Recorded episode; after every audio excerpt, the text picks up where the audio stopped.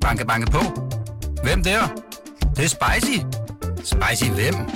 Spicy Chicken McNuggets, der er tilbage på menuen hos McDonald's. Badum, bom, tji.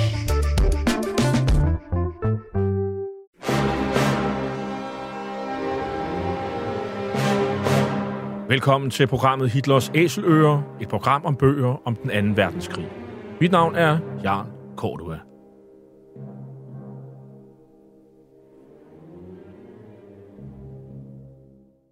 Den anden verdenskrig blev indledt den 1. september 1939 med det nazistiske Tysklands overfald på Polen.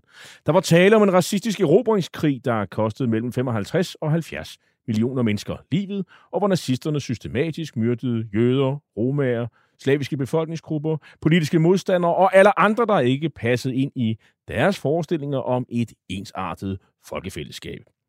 Nazisterne de blev i årene efter krigen dømt ved krigsforbryderdomstolen i Nürnberg, og flere af deres organisationer, såsom nazistpartiet NSDAP, SS og Gestapo, ja, de blev stemplet som ulovlige forbryderorganisationer. I denne serie, som vi har valgt at kalde for Hitlers Æsler, præsenterer vi nogle af de mange bøger, som i disse år udkommer om den anden verdenskrig. I maj 1945, der lakkede 2. verdenskrig i Europa mod enden. Tyskerne kapitulerede på flere frontlinjer, men ikke på Bornholm. Bornholm har endnu større betydning for tyskerne end for russerne. Hitler pålægger storadmiral Dönitz personligt at sikre tilbagetrækningen af hærene fra Østfronten gennem Østersøen.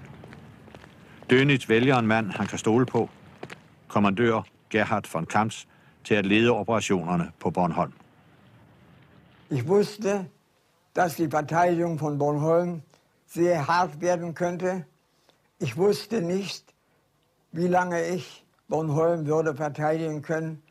Aber das wusste ich, dass ich kämpfen würde, um Bornholm so lange wie möglichst zu verteidigen. Und das habe ich dann auch meinem Großadmiral in die Hand versprochen. Det vi hører her er en øh, lydbid fra dokumentaristen Ole Askmans film fra 1987, hvor, hvor øh, han også her til sidst interviewer den tyske flådeofficer Gerhard von Kamps. Og ham og hans karriere og liv før, under og efter russernes bombardement og erobring af Bornholm, ja, det er emnet her den næste times tid. Og øh, anledning er en øh, nylig udkommet biografi på dansk om Gerhard von Kamps. Derfor skal vi nu byde velkommen til forfatteren, og det er dig, Jens Andersen. Du er historiker og til daglig museumsinspektør på Bunker Museum Hanstholm. Tidligere har du været gæst i programmet om din bog om den britiske ubåd HMS Seal, der i 1940 blev erobret af tyskerne i Kattegat. Og nu er du så aktuel med den omtalte bog, hvis fulde titel lyder Gerhard von Kamps, Bornholms sidste tyske kommandant, en bog, som er udkommet på forlaget Turbine. Allerførst, Jens, øh, hvorfor har du skrevet bogen? Sagen var, at jeg fandt uh, Gerhard von Kamps interessant, fordi han jo er, er kontroversiel. Og jeg så også kunne jagtage, hvordan, man, hvordan billedet af ham har ændret sig i tidens løb. I 1945 bliver han beskrevet som fuldstændig sort, og i nyere tid så er han nærmest blevet hvid. Måske ikke helt hvid, men i hvert fald gråmeleret. Hvid? Øh, hvad, hvad, hvad mener du med det? Jamen, øh, Ben Jensen, han skriver i sin, sin bog fra 1995 om den lange befrielse, at han var en almindelig soldat, som handlede som hver anden ville have gjort. Og du mener, at billedet er lidt mere nuanceret? Ja, jeg tror godt, man kunne gøre det lidt mere, lidt mere gråt. Øh, så vi ender et sted imellem de to yderpunkter. Altså, bortset fra Werner Best og et par stykker til, øh, så er øh, Gerhard von Kamps øh, måske formentlig den flådeofficer, eller for, den officer for krigsmarine, som det betyder mest for, for, for dansk historie, og i hvert fald for Bornholmsk historie. Ja, det er helt bestemt. Og han er jo øh, også en, en person, som... Øh, man i, øh, i skal man sige, eftertiden jo har og forsøgt at få et tale på forskellige vis. Øh, altså, der er jo kilder, øh, der er tidligere, eller der noget at, at tale med ham. Vi havde netop her Ole Ask, mand, der har talt med ham en gang i, i 80'erne, men der er faktisk flere øh, journalister, og, og, øh, som har, har, har, har hvad hedder det, interviewet ham. Mm-hmm, det er rigtigt. Øh, Thomas E. Jensen, redaktør på Bornholms Tiden, han øh, opsøgte ham allerede midt i, i 60'erne og, og lavede flere interviews og havde kontakt med ham op i, igennem årene. Og han øh, havde, havde så også et større interview med ham, da han besøgte øh, Bornholm i, i 1982 som, som turist. Så er der også en, en anden, en, en dansk historiker, Henrik Havhed, som også øh, opsøgte ham i hans hjem i Kiel i forbindelse med hans arbejde på en bog om, øh, om de tyske flygtninge. Så der, der findes nogle beretninger fra, direkte fra, fra, en, fra en kampsmund. Så vi kender hans øh, synsvinkel og, og syn på sagerne, både dengang og i, i eftertiden. Og han blev en, øh, en ældre mand, så han er jo sådan set, øh, som sige, øh, øh, altså også på, på det længere sigt, så deltager han i debatten. Han, er, han har Øh, men ændrer han syn på tingene, øh, har du indtryk, indtryk af? Nej, altså, det er, så, det er jo så lidt svært at, at sige, om, om han ændrer syn på det, men i hvert fald kan vi se fra hans interviews, hans erindringer fra, fra midt i 60'erne og til midt i 90'erne, der sker der altså ikke en stor udvikling. Hvad er hans opfattelse af, øh, hvad der sker på Bornholm i de Jamen, her dage? Den, den, er, den er sådan set meget, meget simpel. Øh, den 5. maj, så kapitulerer man til, til britterne. Og det er han øh, indstillet på. Det kan han jo ikke gøre så meget ved som officer, når nu hans statsoverhoved er kapituleret. Og øh, han er også indstillet på, at man, øh, man overgiver sig til englænderne. Der er sådan set fredeligt og roligt på Bornholm, umiddelbart efter kapitulationen. Han holder sine tropper i, i deres kaserner, og han accepterer den danske modstandsbevægelse som en slags hjælpepoliti. Men øh, problemet er jo så, at man ligger jo et sted, hvor, som ligger sådan set bag, bag Østfronten, så at der er risiko stadigvæk for et, et sovjetisk angreb. Og det bliver han med med at forberede sig på at forsvare øen imod, indtil at der kan komme nogle, nogle britiske officerer, han kan kapitulere til. Og øh, altså, det er jo en mand, mange andre end ham selv har, har, har en mening om, og med god grund. Altså, hvad er andre, øh, skal man sige, i agtagers syn på, på Gerhard von Kamps? Han mener jo selv, at han er en, der kæmper for Tyskland til at Dönis og sikre de her flygtninge kan komme øh, øh, via Bornholm øh, hjem til, øh, til Tyskland. Det er derfor, er tilbage af det. Øh, hvad, hvad er andre syn på von Kamps? Altså, den vigtigste kilde, vi har til, det er Amtmann von Stemann, som er amtmand på Bornholm. Og han får ham jo tæt ind på livet, og han har skrevet massevis af samtidige indberetninger til, til Indrigsministeriet, og han har også sidenhen øh, skrevet sine erindringer, og han beskriver ham meget indgående, og han er ikke ret meget positiv, siger manden. Han, han, han er ikke nogen stor fan. Nej, han beskriver ham øh, som stupid og øh, nazistisk og, og, og, og militarist. Og gal. Øh, ja, også, ja, det, og, fordi ja. vi kan jo allerede, og det skal vi høre senere, altså den gale kommandant, ja. øh, de er vel, er det Stemans, øh, øh, skal man sige, øh, billede af ham? Ja, det, det er det. Og det, det holder han så også fast ved til sin, i sine erindringer fra begyndelsen af 60'erne. Men han er, han er dog så øh, øh, retfærdig over for ham, at han, han så også øh, korresponderer med ham og aftrykker øh, von Kamps øh, svar i sin, sin bog. Men øh, han har ikke øh, noget godt at sige om ham. Øhm, von Kamps, øh, skrev han noget selv ned? Ja, han skrev nogle øh, meget korte erindringer i midten af, af 60'erne. Og så skrev han så et større stykke øh, så sent som i 1995. Men det er sådan set ikke noget, som, som giver det helt store til, til beretningen om, om, hvad der egentlig foregik på Bornholm. Det er hans øh, tolkning af det. Øh, nu er det her jo også et program, der måske øh, ikke så meget kun handler om Bornholm, men også om personen von Kamps.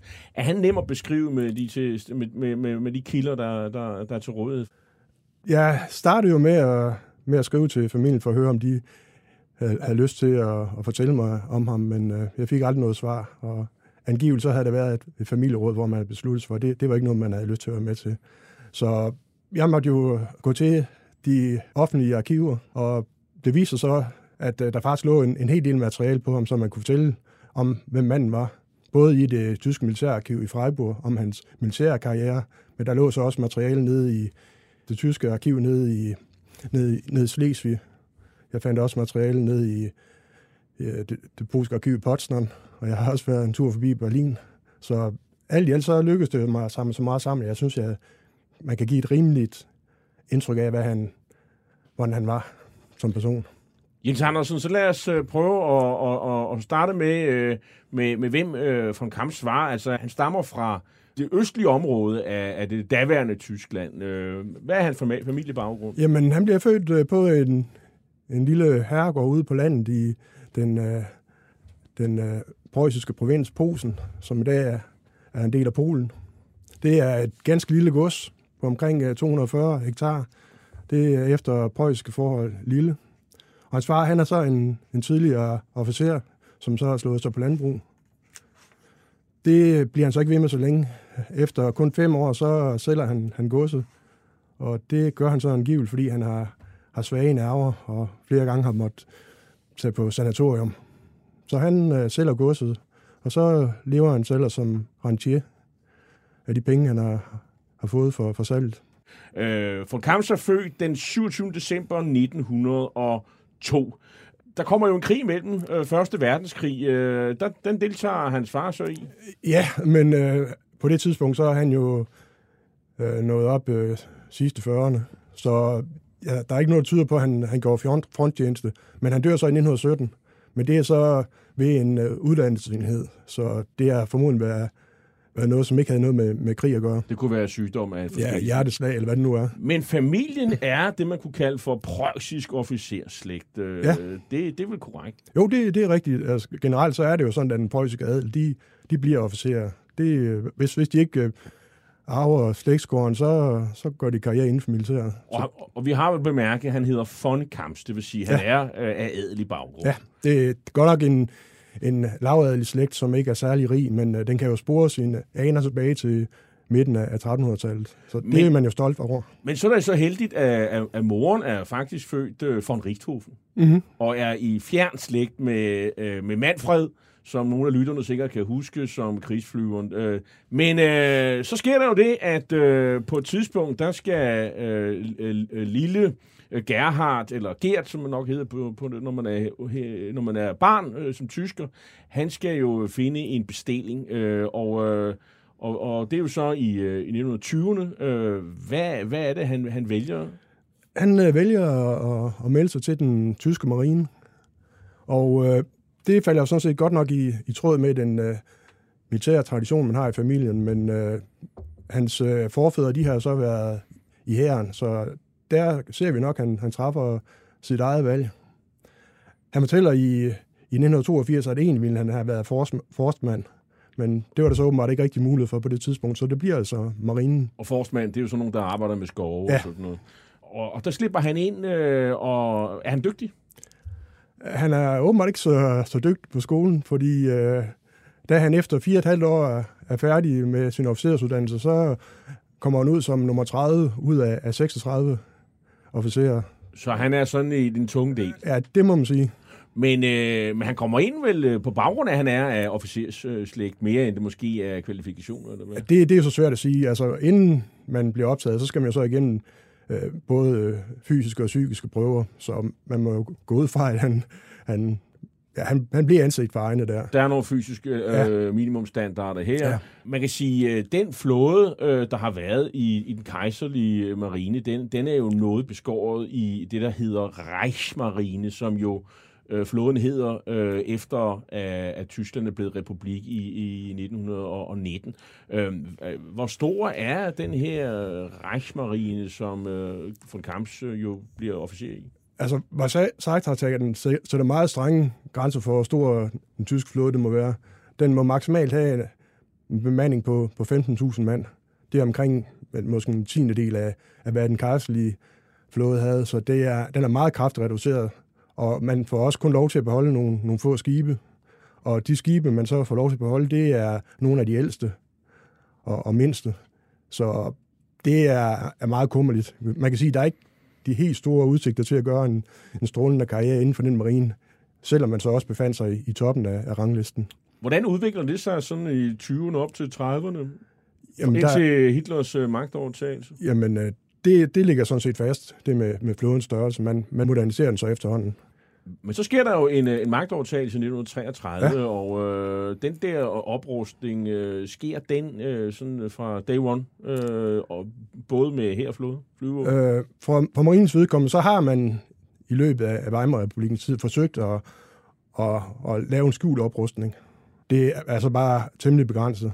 Og det går også noget tid, før man sådan kan begynde den, den marine oprustning, fordi der er man bange for at provokere Storbritannien, som jo er, er den store flådemagt, som kunne føle sig truet af, af Tyskland. Så det er først fra et par år efter, at Hitler kom til magten, at flådeoprustningen for alvor bliver sat i gang. Ja, man laver en aftale med, Ja. med, med, med britterne. Ja. Øhm, men, øh, og så skifter øh, Re- Reichsmarine jo i 1935 navn til Kriegsmarine. Øh, og det er så navnet, man, man, man kører med. Hvordan- Hvordan stiller von Kamps her? Han, er, han må om- være omkring 21 år, 1933, øh, så til nazismen og, og Hitler, og er det noget, der er sådan øh, kolliderer med? Er det sådan generelt for flådeofficererne? Er er de begejstrede? Er de Øhm. neutrale? Hvad, hvordan vil du, du beskrive det? Hvordan øh, Gert von Kamps personligt forhold sig, det, det har vi ikke nogen kilder til. Det, det får vi først indtryk af, da vi er noget godt stykke ind i krigen.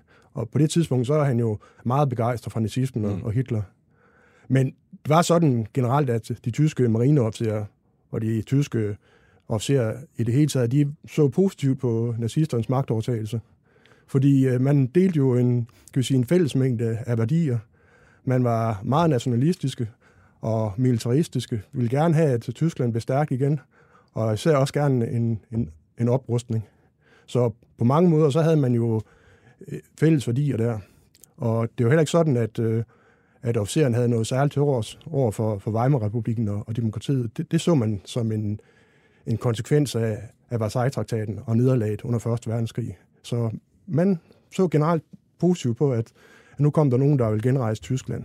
Hvis du skulle komme med et gæt, og og det kan det jo kun blive, øh, tror du, at han har været en begejstret tilhænger af Hitler helt fra starten af 1933?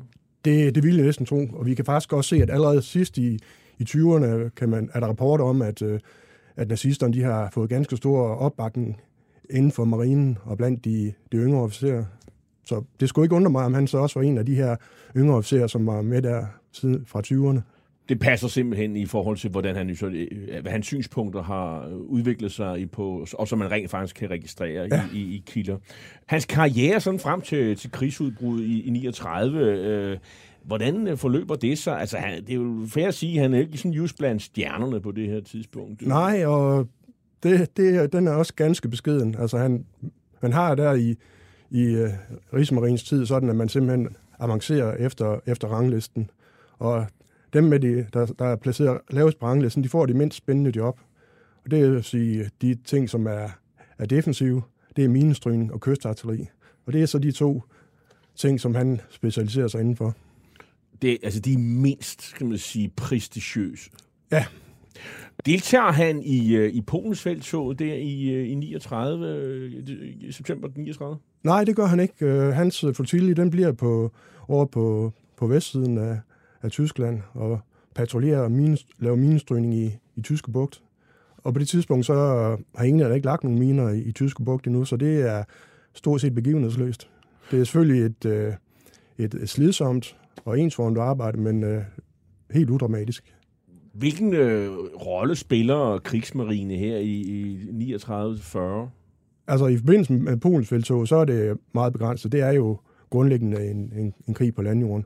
Og det samme gælder så for, for angrebet mod vest i, i maj 1940. Så det, det, det er marginalt. Så er der jo angrebet på, på Norge og, og Danmark i øh, den 9. april 1940, og øh, det vi øh, kender som Operation Weserübung. Hvilken rolle øh, spiller flåden der, og øh, deltager han selv der?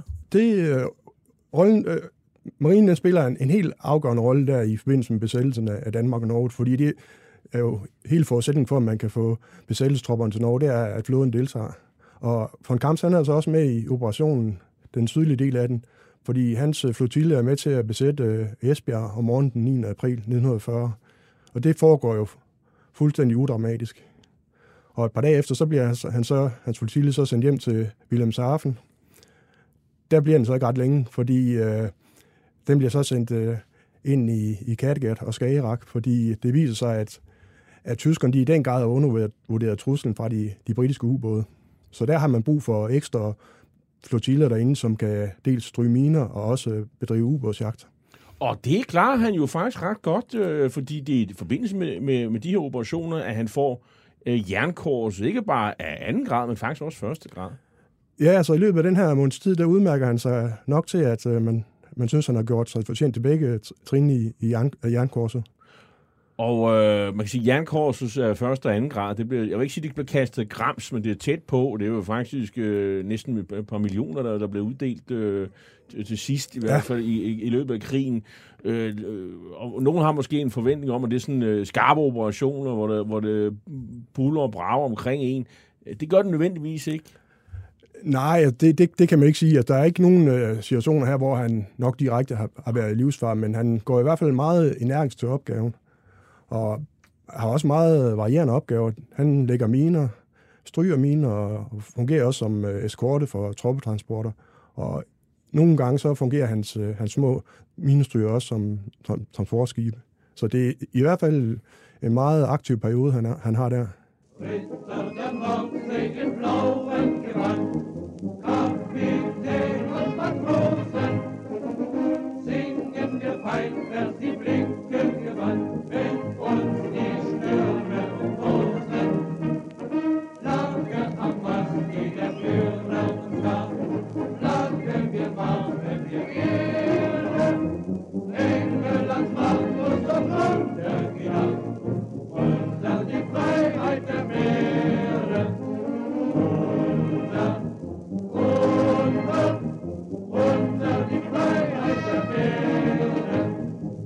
Det vi hører her, det var glade nazistiske toner fra krigsmarine, Ritter der Nordsee, der jo hylder livet til søs, og ikke mindst føreren, og naturligvis påpeger, at man undervejs, at britterne er hovedfjenden.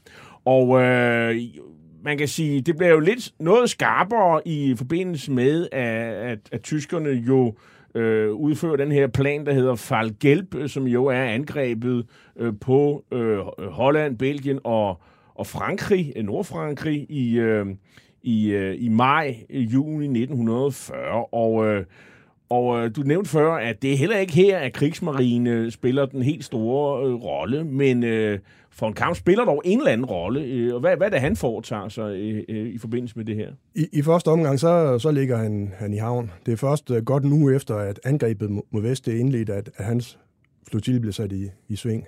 Og det, det hans flotille så får til opgave, det er så at rydde de her erobrede øh, hollandske og belgiske havne for, for miner. Og det gør han godt. Det, det gør han til synlædende. Og da er man så færdig i Holland og Belgien, så fortsætter man så op langs den, den franske kyst. Og hans flotille er så den første, der sejler igennem den engelske kanal i, i dagslys den, den 17. juni 1940. Og så kommer han så også øh, til Brest, hvor han så får til opgave også at rydde havnen der og opstille nye flotiller til at, til at bevogte de her nye erobrede Havn.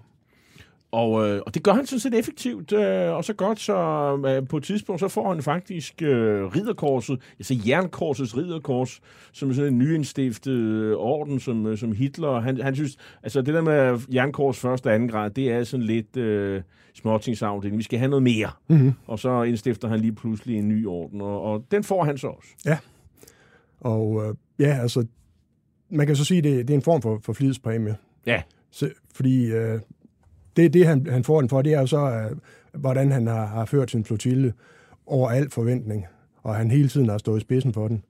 Det er ikke, det igen så, det er ikke sådan, de har på det tidspunkt, der har været involveret i nogle, nogle direkte de kamphandlinger. Men det, det er simpelthen kunne sige, en flidspræmie. Og det var måske overraskende nogle af lytterne, at, øh, at man kan altså få det, øh, bare ved at, som sige, at være dygtig og gøre sin pligt, og sådan lidt ud over, eller noget ud over, som sige, øh, det der forventes. Ja. Øh, men det skal så siges, at øh, ridderkorset, det, det svarer ikke til det, det britiske Victoria-kors. Der kræves det jo, at man personligt har været i yderste livsfare, og det må der heller ikke blive uddelt ret mange af. Men ridderkors, det, det kommer lidt mere automatisk. For eksempel så kan man, kan man se, at øh, når en uberskaptajn, han havde, havde sænket 100.000 bruttotons, øh, så fik han ridderkorset, og så næste trin, det kom så, når han så havde sænket tilsvarende mere. Og lige stand med, kan man se, med for eksempel piloter. I den næste tid, der er han øh, nede ved Bretagne-området, øh, og, øh, og det er jo lidt de samme opgaver. Det handler om øh, minelægning, minestrygning og eskorte. Grundlæggende set, så har de jo til opgave at dels eskortere tyske handelsskibe langs kysten og beskytte dem mod angreb fra, fra britiske fly eller skibe. Og så, så kan man så også eskortere ubåde ind og ud af de nye baser på den, den franske vestkyst. Og man kan sige, det er igen, ikke øh, særlig dramatisk arbejde, men det, det slider på nerverne, fordi man ved jo aldrig, hvornår fjenden angriber. Man risikerer når som helst, at der eksploderer en mine under skibet. Så det vil sige, at det er ikke ufarligt? Nej, det, det er det ikke, men øh, på den anden side, så er det mest af tiden meget kedeligt. Øh, ja, så var det nogen, sige, ja, det, det kræver måske også, at man skal have en, en opmuntring en gang, en gang imellem i form af en, øh, en medalje selvfølgelig. Men han bliver faktisk lidt såret øh, i forbindelse med et britisk øh, luftangreb. Ja. Hvad, hvad sker der der? Jamen, øh, det er i, i maj 1942, hvor øh, tre af hans skibe, de er på vej ud i den øh, vestlige del af, af den engelske kanal, hvor de bliver overrasket af øh, nogle, nogle britiske fly. Og under det angreb, som var om, omkring et minut, så bliver det ene af, af skibene sænket. Det er så det, øh, von Kampsen er på, mens det andet det bliver alvorligt beskadiget. Så alvorligt beskadiget, at det synker i havnen, da det når ind. Og von Kampsen ryger sig selv i vandet. Og han, han fortæller så, hvordan han ser, hvordan at øh, skorstenen fra en skib, den slår en koldbødt hen over hovedet på ham. Og han pådrager så åbenbart en, en, en skade på sin hofte. Men alligevel så er han, han klar til at sejle ud næste dag. Så han, øh, han lever virkelig øh, op til, skal man sige, øh, forestillingen om, at, at han er en hård negl. Ja, altså han er, kan sige, han er, han er jo et pligtmenneske. Et viljemenneske. Er det her omkring, man også ser, at han er også sådan en, der, der, sætter, der, der går opmærksom på sig selv øh, og sender rapporter og sådan noget? Han har, han har den her lidt halvstarrige natur. Er det Ja. sådan her, man begynder også at ane det? Jo, altså der i, i 1940, der skriver han en rapport om sin øh, flotilles øh, be- bedrifter. Og det, det får, kommer der en kommentar i fra hans orden om, at det er ikke passende, at en marineofficer, han, han roser sine egne enheder. Og vi kan også se, i slutningen af 42, der laver han også en, en større rapport i forbindelse med, at flotillen den skal på værft. Laver han ligesom statusopgørelse over, hvad han har opnået. Så man kan sige, at han gør, han gør opmærksom på sig selv. Han sætter ikke sit lys under nogen skib. Det, det, Nej, det gør han. Han er meget ærekær. Men man kan sige, det, det er jo så ikke nok, at han selv roser sig, for at han kan få sit, sit ridderkors. Fordi øh, for at man kan få ridderkorset, så skal alle i kommandolinjen helt op til Hitler godkende det. Så det er ikke nok, at man selv roser sig. Så, så du er ikke i tvivl om, at han er dygtig til det, han, øh, han foretager sig? Nej, det, det er jo... Det når nu hans øh, overordnede mener det, så må man næsten tro, det, det passer. I 1943, der vinder, der vinder krigslykken for, for Tyskland øh, sig jo afgørende på, på flere fronter, og det sker faktisk også til, til søs. Øh, det går sådan, fra maj måned går det sådan ret hårdt ud over ubådene, øh, som jo ligesom har været flagskibet i, i krigsmarine, i hvert fald været mest effektive. Øh, og det er jo ikke en, en enhed, hvor, hvor von Kamps øh, kæmper i, men Øh, han overflyttes øh, fra øh, de her øh, steder i, øh, i, i, i Franske til Italien, og hvad skal han nede i, i, øh, i Middelhavet? Altså, man kan sige, at øh, von Kamps, han bliver sendt øh, til, til Middelhavet som en slags øh, konsulent og, og rådgiver for italienerne. Mm. Fordi øh, man har et, et sidste brohoved tilbage i, i Nordafrika, i Tunis. Og man mener, at det er, er krigsafgørende øh, vigtighed at holde det her støttepunkt, fordi så længe at, øh, der er tyske tropper i, i Nordafrika, så vil, øh, vil øh, de allierede ikke kunne lave en invasion på, på, på, på det europæiske fastland i Italien. Men man har så i, i den grad fået problemer med, med at holde de her tropper i Nordafrika forsynet. De sænk, sænkningstallene er, er meget store, øh, både fra, fra, fra luften og fra, fra britiske ubåde. Så man sender nogle erfarne tyske officerer ned til, som kan, som kan følge med på de italienske skibe og dels observere, hvordan øh, italienerne gør, og også rådgive dem om, om hvordan de, de bedst kan beskytte øh, handelsskibene. Så han sejler frem og tilbage øh, mellem øh, Tunis og Napoli, Ja. og det er jo ikke øh, ufarligt. Nej, altså, øh, han oplever i hvert fald mindst et øh, luftangreb, hvor der er et af, af konvojens skibe, som bliver sænket. Men øh, så har han været der, så kommer han tilbage til flotiljen øh, i, øh, i Frankrig. Ja. Og, øh, og så venter der jo sådan set, efter at han har været i gang igen, endnu en udmærkelse, nemlig ridderkorset med eløv. Ja. Og det vil sige, at man får lige sådan et øh, eløv øh, sat på sit ridderkors. Og øh, hvorfor får han den? Altså, han blev jo også udnævnt til fregattenkapitæn. Og hvad er man så? Så er man øh, kommandørkaptajn Ja. øh, i den danske flåde, eller det, som svarer til en oberstløjtnant Mhm. mm. i den danske Ja. her, øh, nu, dengang og nu omstående. Ja. Hvad, hvad er det, han har gjort? Jamen, øh, han har simpelthen bare udført sin, øh, sin tjeneste der på, på den franske vestkyst øh, til overkommandoens øh, tilfredshed.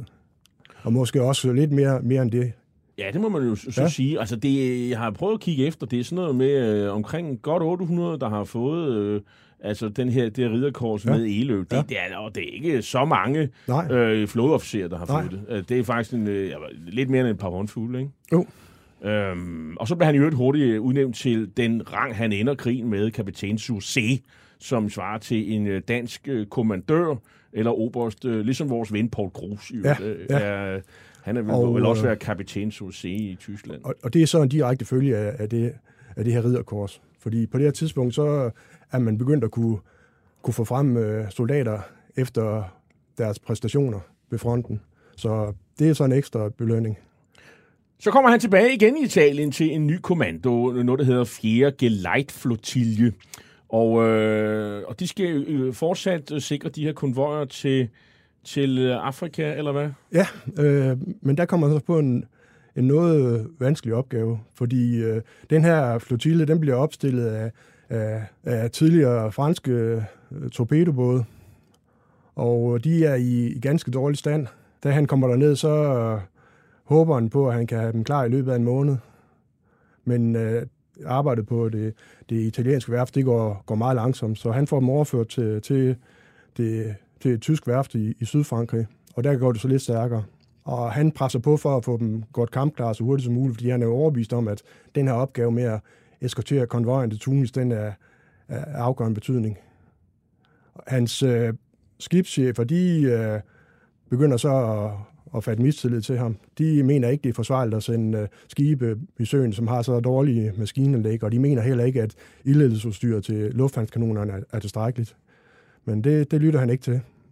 Så der er fyre bebrejdelser frem og tilbage i, i hvor at øh, von Kamps han beskylder sine øh, soldater, eller sine kaptajner for, for at have mistet modet og opgivet kampen, for at den overhovedet er, er kommet i gang. Der opstår faktisk konflikter. Ja, det, det, det, det må du sige. Altså, man kan sige, han er jo i et, øh, et miljø, hvor han ikke øh, er hjemme længere. Han skal have, handle på egen hånd. Og det klarer han så ikke så godt. Så øh, øh, sker der det, der hedder, øh, noget, der hedder Operation Eike. Øh, hvad, hvad, der spiller han også en rolle. Det, det drejer sig om, at, øh, at øh, Mussolini han bliver afsat af det fascistiske storråd i, i slutningen af juli, fordi at man med god grund giver ham øh, skylden for, at, øh, at det hele går galt for Italien. På det tidspunkt så er de allierede jo landet i Sicilien, og det, situationen er meget, meget mørk for Italien. Så han bliver afsat og arresteret, og det bliver Hitler jo meget ophidset over, at hans gamle øh, kampfælle, han øh, nu er blevet afsat og, og, og sat i fængsel. Så man sætter en, en befrielsesoperation i gang, og den bliver von Kamp så en del af, fordi meget hurtigt bliver man klar over, at øh, Mussolini han sandsynligvis bliver holdt fanget på en, en ø ude i, i Middelhavet. Så han får kommandoen over de ubåde og de torpedobåde, som i givet fald skal bruges. Og det er jo altså den her operation, som er ledet af ham her, SS-officeren øh, Otto Skorzeny, Ja. øh, som jo sådan bliver vidt berømt berygtet. Mm-hmm. Øh, men kommer de sådan i aktion, de her ubåde? På den Øh, måde, eller? nej, det gør de ikke. I, I første omgang, så, så antager man, at øh, han befinder sig på en ø, der hedder San Stefano, og der forbereder man en operation, men så kommer man så i tvivl, og så det blev udskudt. Sidenhen så finder man så ud af, at han nok er på i militærbasen Madalena på Sardinien.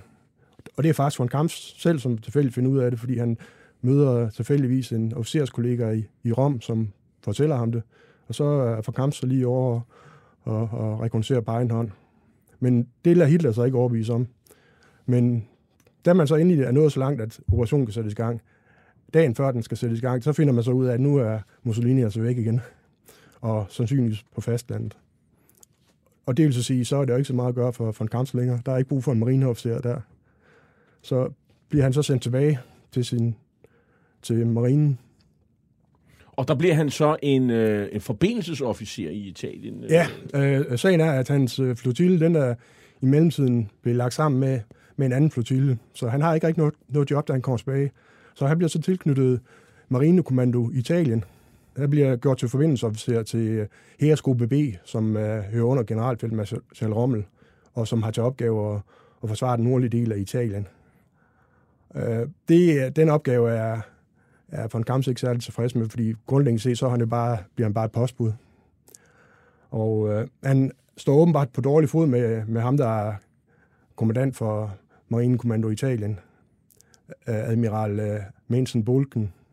Og ham står han åbenbart på dårlig fod med. Hans, hans forgænger var han på rigtig god fod med, Friedrich Ruge, som øh, han sådan set øh, fulgte, øh, havde fulgt de sidste øh, 3-4 år, og som åbenbart havde haft et, et godt indtryk af von Kamps, og åbenbart har kunne, kunne styre ham. Men, øh, Men nu går det galt, og ja. det gør det, øh, fordi øh, der sker pludselig det, at, øh, at tyskerne, de mister simpelthen øh, deres øh, forbundsfælder i Italien, som øh, nedlægger våbne, øh, hvis ikke de stikker af øh, ja. i forbindelse med, og det gør den italienske flåde, som på det her tidspunkt stadigvæk er et vist betydeligt omfang.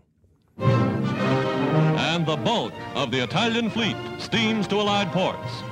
Battleships, cruisers, destroyers, submarines. The world's fifth largest navy, now in the hands of the United Nations. Det går galt under Operation Axe, der er jo et tysk modtræk til, hvis italienerne forsøger at lave separat fred eller kapitulere til de allierede. Og det sker øh, den 8. september 1943. Man får ikke forhindret, at store dele af den italienske flåde undslipper. Von Kamp skal sikre øh, flådebasen i La Spezia, og her tror han den lokale chef Becker med en krigsret og får med sine anklager skabt problemer for sig selv. Hvorfor sker det? Er det hans fasong, eller hvad? Jamen, det, det er det. Altså, der, der er så flere ting ved det, fordi øh, han hører om det, mens han befinder sig ved Heresgruppe B i, i München. Og der beder han så straks om at blive knyttet til Heresgruppe B.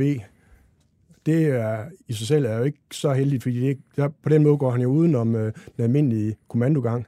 Så tager han afsted til La Spezia, overfuser den lokale stabschef, og tager så ellers op i bjergen for at tage kontakt med, med, med hæren.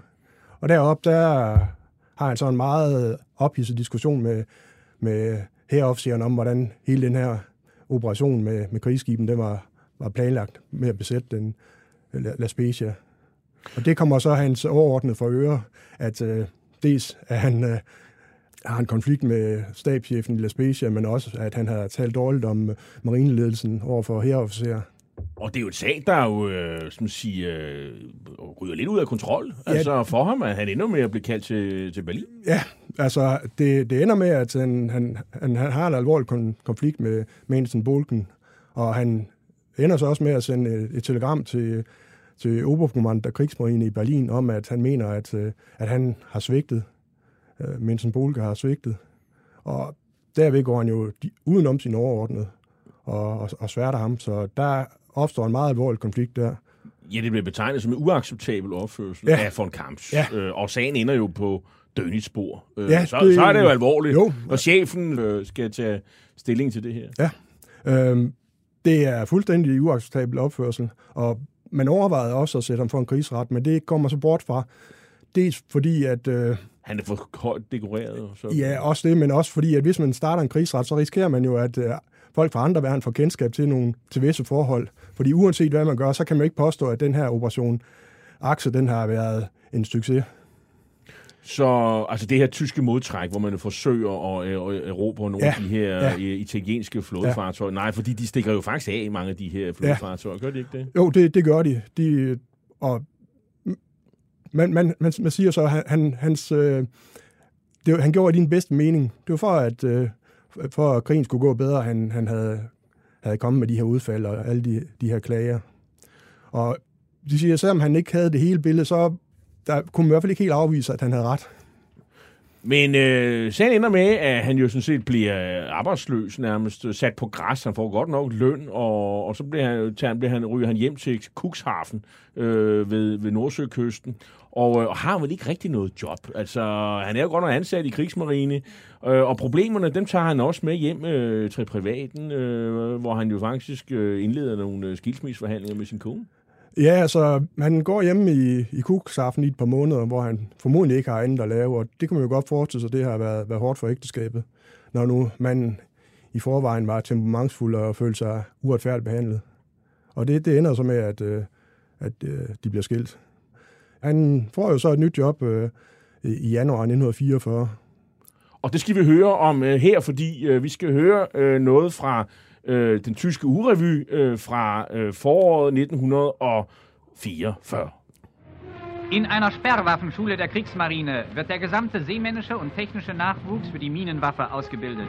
In verschiedenen Lehrgängen werden sämtliche Dienstgrade erfasst. Eine gläserne Mine zeigt das Innere dieser Waffe.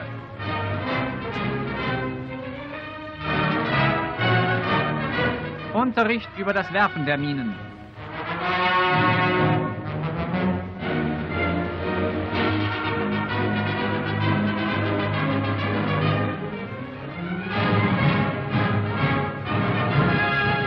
Eine Mine als Unterrichtsmodell.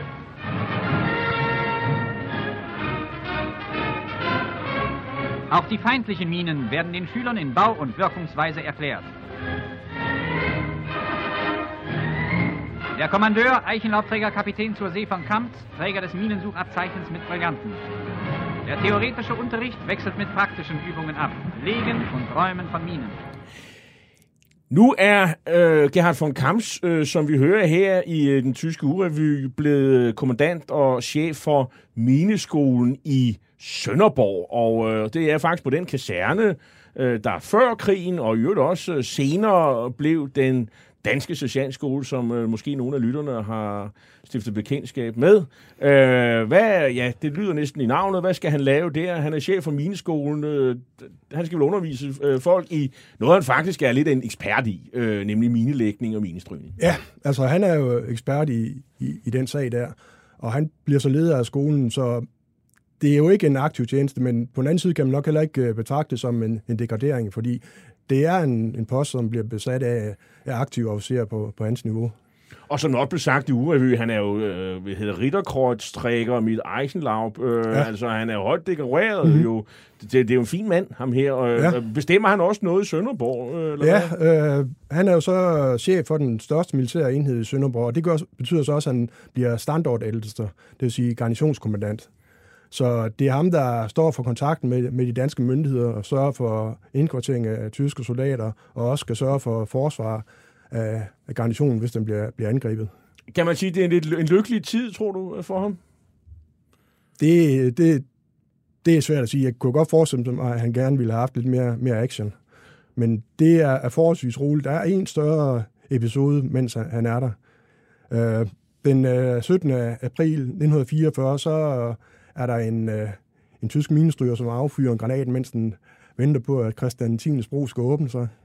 Og det, der, i den forbindelse bliver så dræbt øh, en civil dansker og sårer to. Og Gerd von Kamps han undskylder og siger, at det er en, øh, en ulykke, det er en, en fejl det her, og det skal nok blive undersøgt. Men øh, folkene i Sønderborg, de tror ikke rigtigt på det, fordi det er flere gange sket, at uh, utålmodige tyske kaptajn, de affyrede skud, når de ville have, have broen åbnet. Så der kommer demonstrationer i dagen den, den, den følgende dag. Og det er jo så på Dybøldagen, som i forvejen er, er meget nationalt markant. Ja, fordi han går jo faktisk op og lægger en krans op på Dybøl Skanser, ja, hvor, hvor Preusserne jo vandt i sin tid. Han er jo selv Preussen. Ja. Øh, men, men, men, men han overreagerer ikke, for selvom der er demonstrationer. Ja, altså, han, han øh, reagerer hårdt. Han sætter sine tropperne ind mod, mod, mod de danske demonstranter.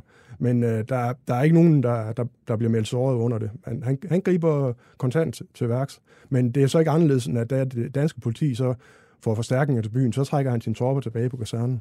Så jeg vil ikke mene, at han direkte overreagerer. I øh, oktober 1944, der venter endnu et, øh, hvad skal man sige, et deskjob, vil man jo nok sige i dag. Øh, han skal... Øh, øh, kommer til, han skal lede noget, der hedder Marines Nationalsocialistiske Føringsstab. Og hvad, hvad, hvad går jobbet ud på? Altså, den her føringsstab, den bliver oprettet på et tidspunkt, hvor det jo går tilbage for Tyskland på alle fronter, og hvor modstanderne de er, er materielt langt overlegne. Så det, man så satser på, det er jo så ånden og fanatismen. Og det skal den her føringsstab så forsøge at indgyde i, i, i, i officererne og soldaterne. Så det er altså noget med, og, og det man, kan, man har i materiel og sådan noget, det er så, man kompenserer ja. for i, ved at være fanatisk, ja. hvilket, og betyder noget positivt mm-hmm. øh, hos nazister. Vi andre vil jo sige fanatisk, det er sådan lidt, øh, så er man sådan lidt ude af kontrol her, men øh, hos nazisterne, der er det faktisk en ret god egenskab at være fanatisk. Ja, det er det, og man kan sige, at øh, Gerhard von Kamps, han er næsten øh, selvskrevet til den opgave her, fordi han, det, det, man vil have, det er, er vel, velprøvet officerer, som har udmærket sig i fronten. Så man, fordi, så man, skal, så man udvælger og uddanner officerer i nationalsocialistisk tankegang? Det ja, det, der altså man, man vil have nogen, der, der, der står respekt om militært, og som så skal undervise øh, soldaterne i, i nazismen. Politisk skole. Ja. Så det vil sige, det er, og vi er efter øh, attentatet på Hitler ja. I øh, juli 1944. Ja. Øh, så hvis man nu er, øh, køber ind på, på nazistisk tankegang, så er der altså brug for, at de her øh, officerer i værnene, de ligesom øh, får et, et, et grundkursus i nazisme. Ja. Øh, fordi vi har jo haft det her problem med, at nogle af dem øh, kunne finde på at aflive øh, Tyskland før. Øh, er, er det øh, korrekt? Jamen, det, det er det, og der kan man sige, altså, som sagt, der passer Gert von Kamps øh, fint ind. Altså, han bliver aldrig nogensinde øh, medlem af nazistpartiet. Men det Og det er der jo nogle gode grunde til. Ja, det er der god grund til, fordi det havde professionelle soldater simpelthen ikke lov til. Man måtte ikke melde sig ind i politiske partier. Ikke engang af nazistpartiet.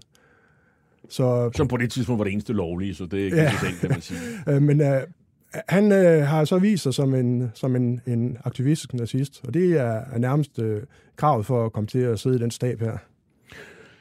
Og det øh, sker blandt andet øh, på Hotel Kaiserhof i øh, den øh, nordtyske badeby Kühlungsborn. Men det lyder da som øh, sådan, øh, re- relativt behageligt, øh, selvom det godt nok er om efteråret om vinteren. Og, altså, altså man er ved, ved Østersøkysten øh, på, i et øh, badebys øh, bys resort. Mm-hmm. Ja. Han har formodentlig fundet opgaven meningsfuld, men jeg kan da ikke forestille mig at han, han gerne vil have lidt øh, fronttjeneste. Lidt mere action. Ja. Og, og det er der så heldigvis øh, nogen, der hjælper ham med, fordi i øh, den 4. marts øh, 1945, der ankommer han første gang til Bornholm, og der skal han være inselkommandant, altså økommandant. Og, øh, og det, der har han jo været ind om chefen, øh, Dönitz, øh, i Kiel, og Kiel er jo på det her tidspunkt, det er jo det, som at sige, øh, hovedbasen for den tyske krigsmarine. Og øh, han har fået en opgave. Hvad er chefen? Hvad, hvad, hvad skal han gøre? Han skal være kommandant på Bornholm, og han skal så gøre den klar til forsvar. Og hvis den bliver angrebet, så skal han være klar til at forsvare den til sidste mand. På det her tidspunkt så øh, har Bornholm fået en helt central betydning, fordi øh, i begyndelsen af, af januar, så har, har, tysk, har russerne indledt den store vinteroffensiv, hvor man trænger flere hundrede kilometer mod vest. Og da offensiven den er over, så står man så ved Oderfloden, kun et halvt hundrede kilometer fra Berlin. Og øh, tyskerne de holder så nogle lommer langs øh, Østersøkysten, blandt andet over i, i Baltikum og omkring øh, Gdansk og, og så videre. Og de her lommer, dem øh, skal man dels holde forsynet med ammunition og, og forplejning og så videre. Og man skal så samtidig have evakueret de overflødige topper fra området og civile. Og i den forbindelse så bliver Bornholm af helt central betydning, for den ligger jo lige midt i det farvand, som man skal sejle igennem, når man skal mod vest.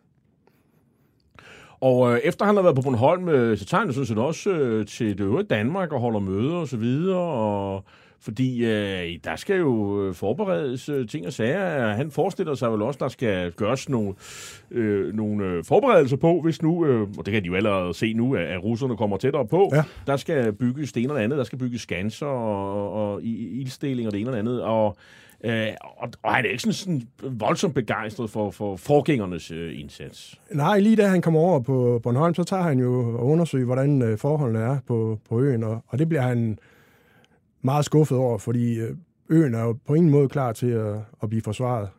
Man har en, en styrke på omkring øh, 800 mand på, på Bornholm, og det er ikke øh, kampsoldater, det er marinesoldater og folk fra, fra Luftwaffe til at betjene øh, radarstationer med.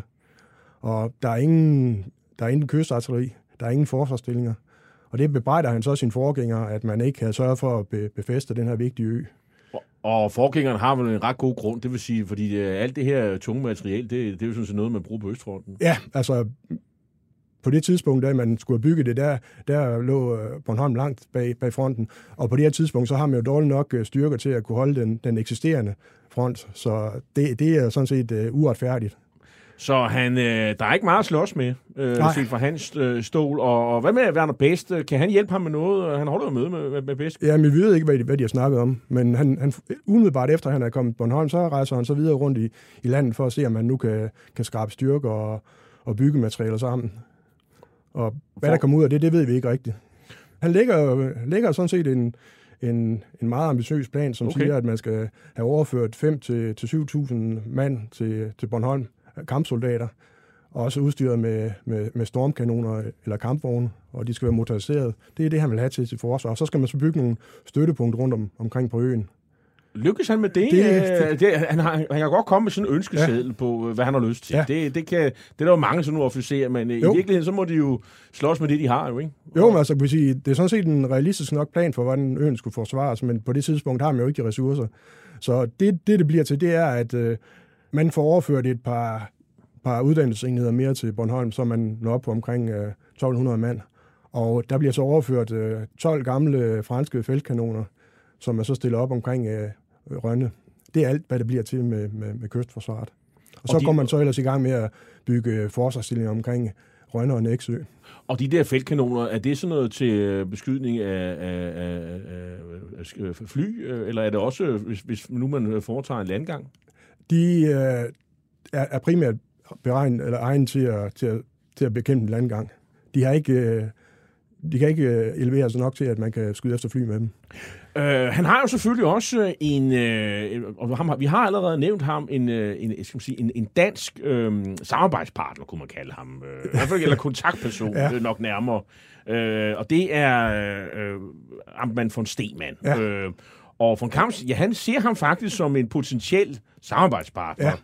Øh, men von Stemann har noget andet, øh, øh, skal man sige, syn på sengen.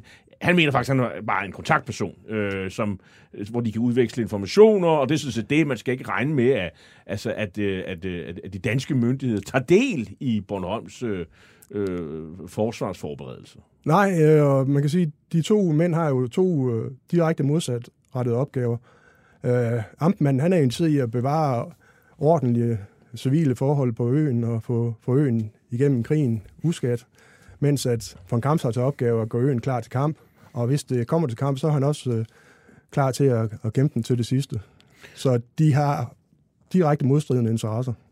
Von Stemmer, han forsøger jo ligesom at, at, at, at give øh, von Kamp sådan et, øh, et, et godt råd omkring Bornholm og sådan. De, de, sådan, øh, de her mennesker på, på den her ø, de er sådan rimelig gået modige, og hvis man nu behandler dem ordentligt og sådan noget, så er de sådan til at snakke med. Hvis man får hisset dem tilpas meget op, øh, så kan det altså godt gå helt galt. Og så erindrer han ham om, øh, hvad der skete med den øh, svenske kommandant Prinsenskyld, som jo endte med at blive skudt ja. I pistolstræde, ja. det er navnet, Ja. øh, tilbage i 1640'erne. Øh, øh, der, der er jo sådan en, en, en, en, et element af det, sådan en småtrussel, ikke? Øh, Jo, altså- Slap nu lidt af, ja. Makker, ikke? Det er deres første møde, hvor øh, von Stemann, han, han, har, han har indstillet på, at nu skal han altså have sat den her tyske officer på plads. Og han mener også, det gør et vist ønske på ham. Og det virker jo næsten utroligt, at en dansk amtmand der i marts 1945 har kunne sige sådan noget til en, til en tysk officer. Men øh, det står også i den øh, indberetning, som øh, Amtmann han sender ind til Indrigsministeriet. Så man må jo næsten tro, at det, det passer. Det er ikke en, en efterrationalisering fra, fra efterbefrielsen. Så udsender øh, von Kamps en, øh, en, en pep-talk, øh, og øh, det sker altså her den, den 29. Øh, marts 1945, øh, til sin, det er sådan en slags øh, dagsbefaling til styrkerne på Bornholm, øh, hvor han jo fortæller, at han er jo tiltrådt og så videre og så videre. Og, øh, og du, øh, som du skriver i bogen, det fortjener at blive gengivet i sin fulde ordlyd. Så nu vil jeg læse op her på side 148. Krigen står foran sin sidste store afgørelse. En kamp om verdensanskuelser som denne krig afgøres ikke kun af militære sejre og nederlag, men ved at ideen står sin prøve, og først og fremmest er holdningen hos den, som bærer ideen. Kampen om Bornholm bliver en kamp om vor ære, hvor kampopgave lyder sejre eller falde. Hver eneste våbenbærer og hvert våben er af afgørende betydning for den ærefulde gennemførelse af denne kampopgave. Hver time med våbenuddannelse og hvert spadestik i stillingsbyggeri er et skridt frem mod sejren. Vi tror på vores sejr. Den forbindelige holdning og stramme disciplin hos hver enkelt skal til enhver tid i og uden for tjeneste være en synlig bekendelse til vores hjemstavn, som står i den hårdeste kamp, og til vores store fører, Heil Hitler. Altså, der er mange øh, gange, at ordet sejr bliver nævnt. Noget med kamp øh, og ære. Det er sådan øh, grundtræk. Ja. Noget, der går igen i det her meget ideologiske øh, melding her. Og den idé, der henvises til, det kan næsten kun være den, den nazistiske idé. Ja. Og på modende så har han jo, jo troet på det. Det I lyder hvert, sådan. fald har, I hvert fald har han gerne vil overbevise om, at en sejr fortsat var mulig. Og men han havde så også vist øh, rationale for det. Det det, som øh, man i den nazistiske propaganda bruger som argument for, at selvom situationen ser håbløs ud, så kan vi stadigvæk vinde krigen. Det er, at man taler om, at øh, alliancen mellem øh, Storbritannien, USA og Sovjetunionen, den er unaturlig. Her har kommunisterne allieret sig med kapitalisterne. Det, det holder ikke. Så man håber på, at øh, på et tidspunkt, så vil den her alliance bryde sammen. Og det skete jo sådan set også, men der gik lige et par år, ja, øh, kan man sige. Man kan sige, at øh, de har så taget fejl af, hvad det var, som holdt den her alliance sammen. Det var jo, det var jo nedkæmpelsen af, af nazismen, der drejede sig om. Da den så var, først var, den opgave var løs, så, jamen, så faldt uh, alliancen fra hinanden. Von Kamps, han, øh, han hævder over for, en Stemann, at han har sådan øh, fuld magt for bedst om at kunne beslaglægge byggematerialer og køretøjer og andre ting på øen. Øh, har, har han det? Og, og hvordan, øh, hvad ender det med? Ja, altså det, det, det er helt uklart, om han rent faktisk har den fuldmagt. Det øh, benægter man i hvert fald i det danske udenrigsministerium. Og det passer heller ikke rigtigt, at det skulle være bedst, som skulle give ham den fuldmagt. Det burde egentlig have været general Lindemann i, i Silkeborg. Så der er et eller andet der. Men i hvert fald så øh, betyder von Kamps påstand om, at han, han har den her tilladelse fra, fra bedst, at øh, Stemann, han kan ikke rigtig gøre noget. Han, uh, han kan ikke få nogle klare direktiver, så han kan sætte uh, hårdt imod uh, von Kamps og, og sige, nej, det, det, det har ikke noget på sig, det der. Det kan du bare ikke gøre. Får han beslaglagt noget? Får han sat noget i værk? Jamen, han, han beslaglægger øh, rigtig mange ting også uden at, at, at, at indhente tilladelse hos, hos de danske myndigheder. Og han optræder også den bindelse ganske klodset, og som von Stemann han beskriver det, så virker det også øh, hovedløst. Men nu har vi jo så kun øh, von Stemanns øh, kilder til det. Vi, vi har ikke øh, kilderne fra tysk side, som, hvor man kan se, hvilke overvejelser der lå bag. Von Stemann, han hævder flere ting. Han, han hævder faktisk også, at von Kamp skulle være sådan, upopulær blandt de tyske soldater. Har han ret i det? Det er jo svært at sige, fordi vi, vi har kun øh, von Stemanns oplysninger om det. Og von Stemann virker, som om han samlede på, på dårlige historier om von Kamps. Han var, han var, det var ikke hans kop te. Nej, det var det ikke. Men altså, man kan så ikke lade være med at, at, tro, at det, det passede, fordi nu er, er krigen jo ved at være over, og de fleste af soldaterne på Bornholm, de håber formodentlig, at de kan slippe igennem det her med livet i behold. Og så kommer der sådan en fyr her, som vil have, at øh, nu skal der være krig på Bornholm. På det her tidspunkt, der optrapper modstandsbevægelsen jo sin, øh, sin sabotage. Det gør det faktisk over hele landet, men og faktisk også på Bornholm. Ja. Øh, øh, og hvordan reagerer von Kamps over for modstandsbevægelsen? Er han, øh, sidder han i struben på dem, og er han... Øh, eller hvordan reagerer han? Altså, det, bekæmpelsen af modstandsbevægelsen, det er jo sådan set ikke hans opgave, men, men, men politiets. Men han laver nogle øh, repressalier i forhold til modstandsbevægelsen. På et tidspunkt, så er der er der sabotage mod, øh, mod telefonledningerne. De bliver klippet over. Det, det kan måske umiddelbart lyde øh, som drengestreger, men hvis der kommer til kamp, så er kommunikationen jo af afgørende betydning. Så det er, det er militært vigtigt at, at kunne holde kommunikationslinjerne åben. Så det, det, det han så gør, det er, så besætter han så den bevile telefoncentral i Rønne. Den civile? Ja. Og og så kan de altså, Bornholmerne ikke snakke sammen? Nej, de, og det, den vil være så være besat indtil, at øh, telefonledningen de bliver repareret. Så han laver nogle repressalier der. Så er der også en, en anden ting med, at øh, Gerhard von Kamps, han beder sig om at få udleveret øh, øh, bilregister for Bornholm, fordi man vil vide, hvilke biler, der findes på Bornholm. Øh, agivel for, at man bedre kan kontrollere dem, for at forhindre modstandsbevægelsen i at køre rundt i, i biler, men formodentlig også fordi, at man jo har en interesse i at få beslaglagt bilerne, så man kan bruge dem i tilfælde af, at det kommer til, til, til et angreb. Og det her register, det bliver så øh, stjålet fra amtkontoret, og det kan tyskerne godt gennemskue, det nok er, er fungeret. Så dagen efter så udsteder Gerhard von Kamps et beslaglæggelsesdekret om, at, øh, at, øh, der skal beslaglægges 1000 cykler. Så folk de bliver simpelthen hævet ned af cyklerne, når de kommer kørende på gaden. Og så får de så udleveret en, en seddel, hvor de står, at de kan henvende sig til, til amtmanden med hensyn til, til erstatning for beslaglæggelsen. Så sender man problemet videre. Ja, og man kunne måske godt mistænke uh, von Kamps for at, at lige have et lille vink til, til amtmanden der. Det lyder meget sandsynligt. Som tak for sidst. På det her tidspunkt, og nu nærmer vi os øh, den 5. maj og, og den tyske kapitulation i, i Danmark, der er der jo altså mange tyske flygtninge, der er kommet østfra. Der er også mange soldater, og nogle af dem er såret. Og der kommer faktisk også nogen, der har større rang end, øh, end, øh, end von Kamps. Ja, altså kan vi sige, øh, Bornholm fungerer jo så som, øh, som transportknudepunkt øh, for, for transporterne videre vestpå. Øh, en del af de skibe, som evakuerer folk fra over østfra, de, de lander så deres passagerer på, på Bornholm, mens der andre de sejler så videre. Og der, der, da krigen den øh, er ved at være slut, så er der en, vel 10-12.000 tyske soldater på, på øen. Og det er jo mange. Ifølge von Kamp, så skulle der så ligefrem også være tre generaler. Men det er stadigvæk øh, von Kamp, der, har, der bestemmer på øen. Ja, fordi uh, 10.000, så, så nærmer vi også en, uh, en division. Ja, men uh, problemet med de her soldater, det er jo, det er jo forsprængte enheder. Det er grundlæggende set, at det, det er jo flygtninge, og de har ingen, ingen tunge våben. Så i virkeligheden så udgør de mere et problem for, for en kamp end, end, end, end et, et aktiv, fordi altså... De skal, de skal sådan set bare have noget at spise. De skal have noget at spise, og, og de formodentlig ikke kunne bruges i kamp, fordi at de, de er uden øh, organisation.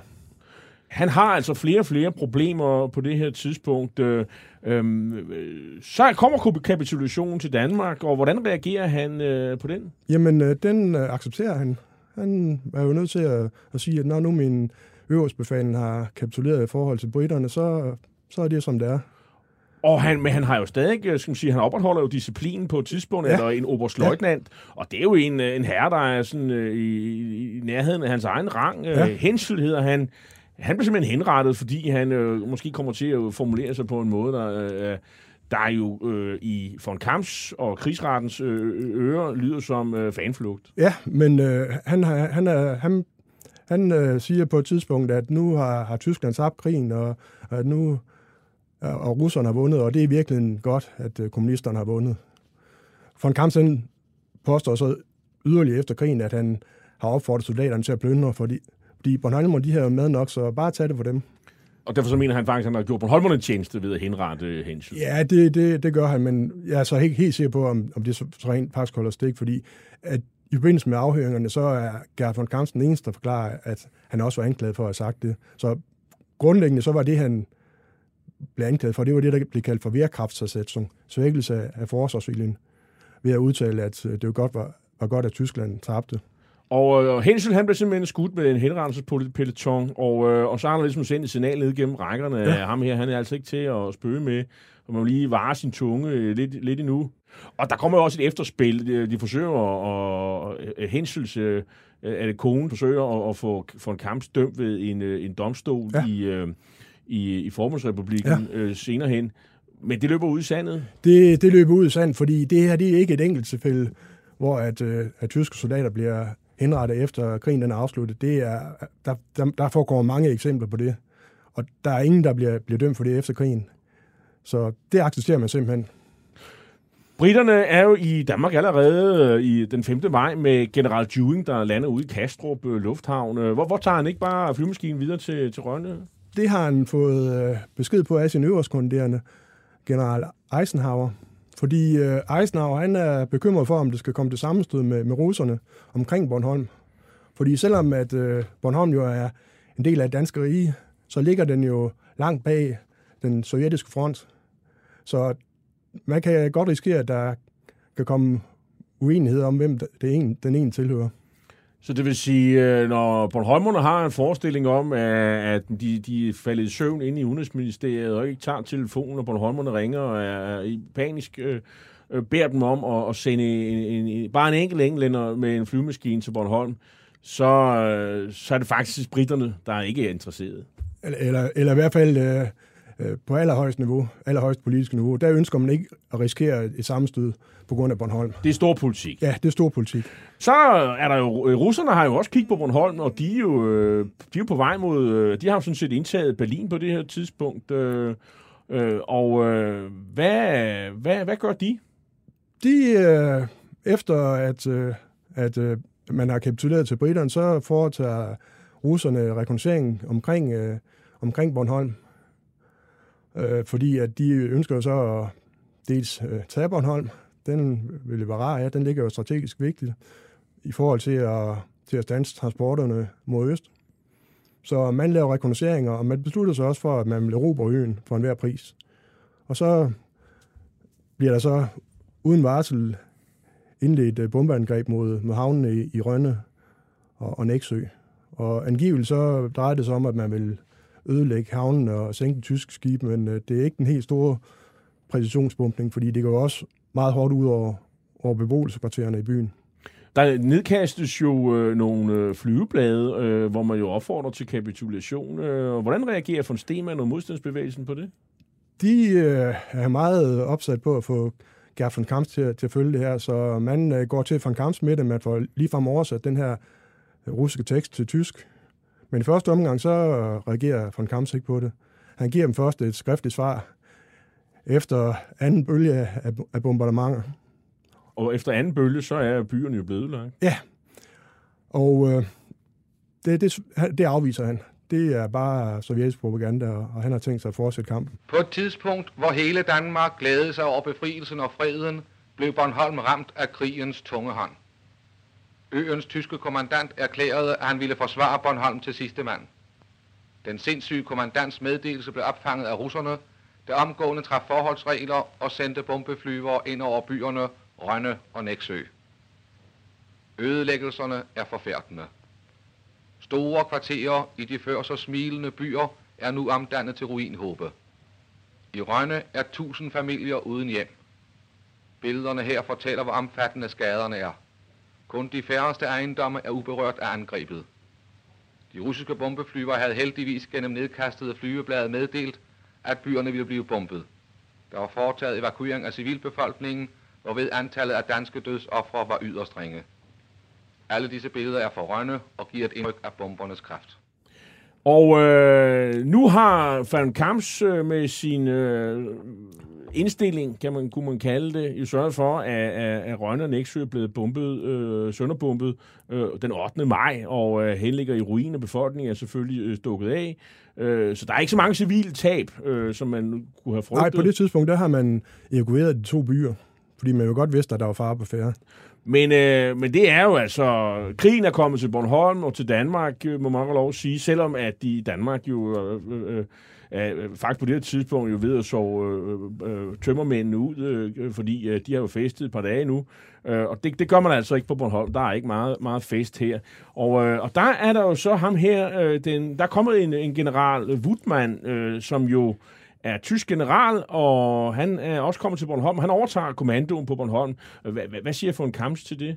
Det er han ikke øh, særlig vild med, fordi øh, det er sådan set et, kan sige, det er en form for privat kub, man laver der. Øh, der om øh, aftenen 4. maj, der sidder øh, general Wutmann, som er chef for, for 9. armékorps, og diskuterer med sin overordnede for arméoverkommando Ostpreussen, om at det er vigtigt, at, øh, at man beholder kontrollen over Bornholm. Og han, man er ikke helt sikker på, at general Lindemann over i Silkeborg, han er opmærksom på, hvor vigtig Bornholm er. Så man besluttede sig for at, at sende øh, soldater over til Bornholm med, med general Woodman i spidsen. Han kommer med, med knap 1000 mand, fuldt udrustet, også med, med tungere våben. Og så melder han sig så hos uh, Gerhard von Kamsten den 7. maj. Det vil sige dagen før, at, øh, at øh, byerne blev bombet? Ja, samme dag som den første, første bombardement. Okay, så de kommer lige ind? Ja, og han øh, kræver så at overtage kommandoen over øen.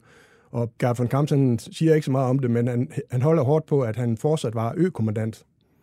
Mens at Ger, øh, generalen, han så hed så, han var kommandant, eller øverstbefalende for de ty- tyske tropper på Bornholm.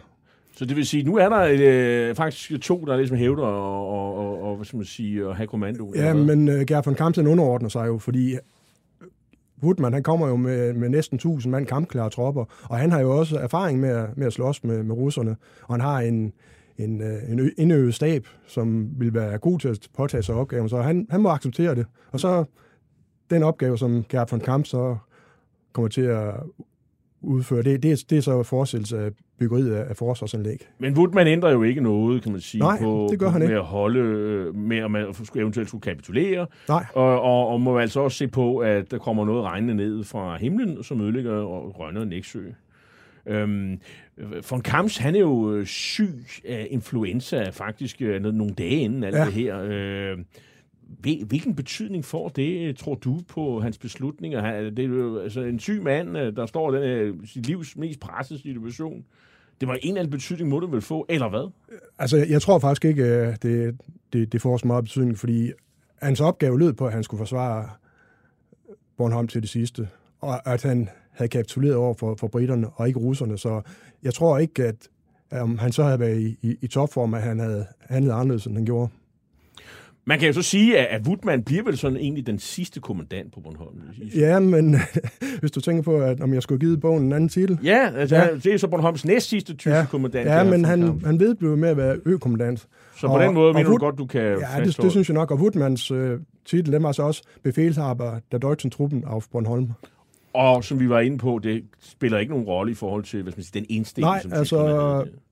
Efterfølgende i korrespondancen med, med, med von Ampan von Stemann, der forklarer Woodman, jamen han havde heller ikke været indstillet på at, at kapitulere over for, for russerne. De var vant til, at der blev smidt, øh, smidt flyveblad ned over dem for, for at få dem til at opgive. Men det havde han havde ikke været indstillet på at gøre. The pictures you are about to see of the signing in Berlin of Germany's unconditional surrender you may have seen before. We show you them now so that it shall be clear that these military leaders signed a military surrender after defeat in the field. Germany must not be allowed to recreate the lie she fabricated after the last war, that an undefeated army was betrayed by politicians. Ja, som vi hører her, endelig øh, samlet tyske øh, kapitulation øh, den øh, 9. maj. Øh, Hvordan foregår det så på Bornholm? Jamen, øh, det går stille og roligt. Øh, kapitulationen den øh, gælder jo så fra midnat mellem 8. og 9. maj. Og øh, russerne de ankommer så først hen på, på eftermiddagen. De er godt nok sejlet afsted forholdsvis tidligt på, på morgenen, men de støder så på nogle tyske skibe undervejs, så det, det er toget, så det, det er først ind på eftermiddagen, at de lander i Rønne.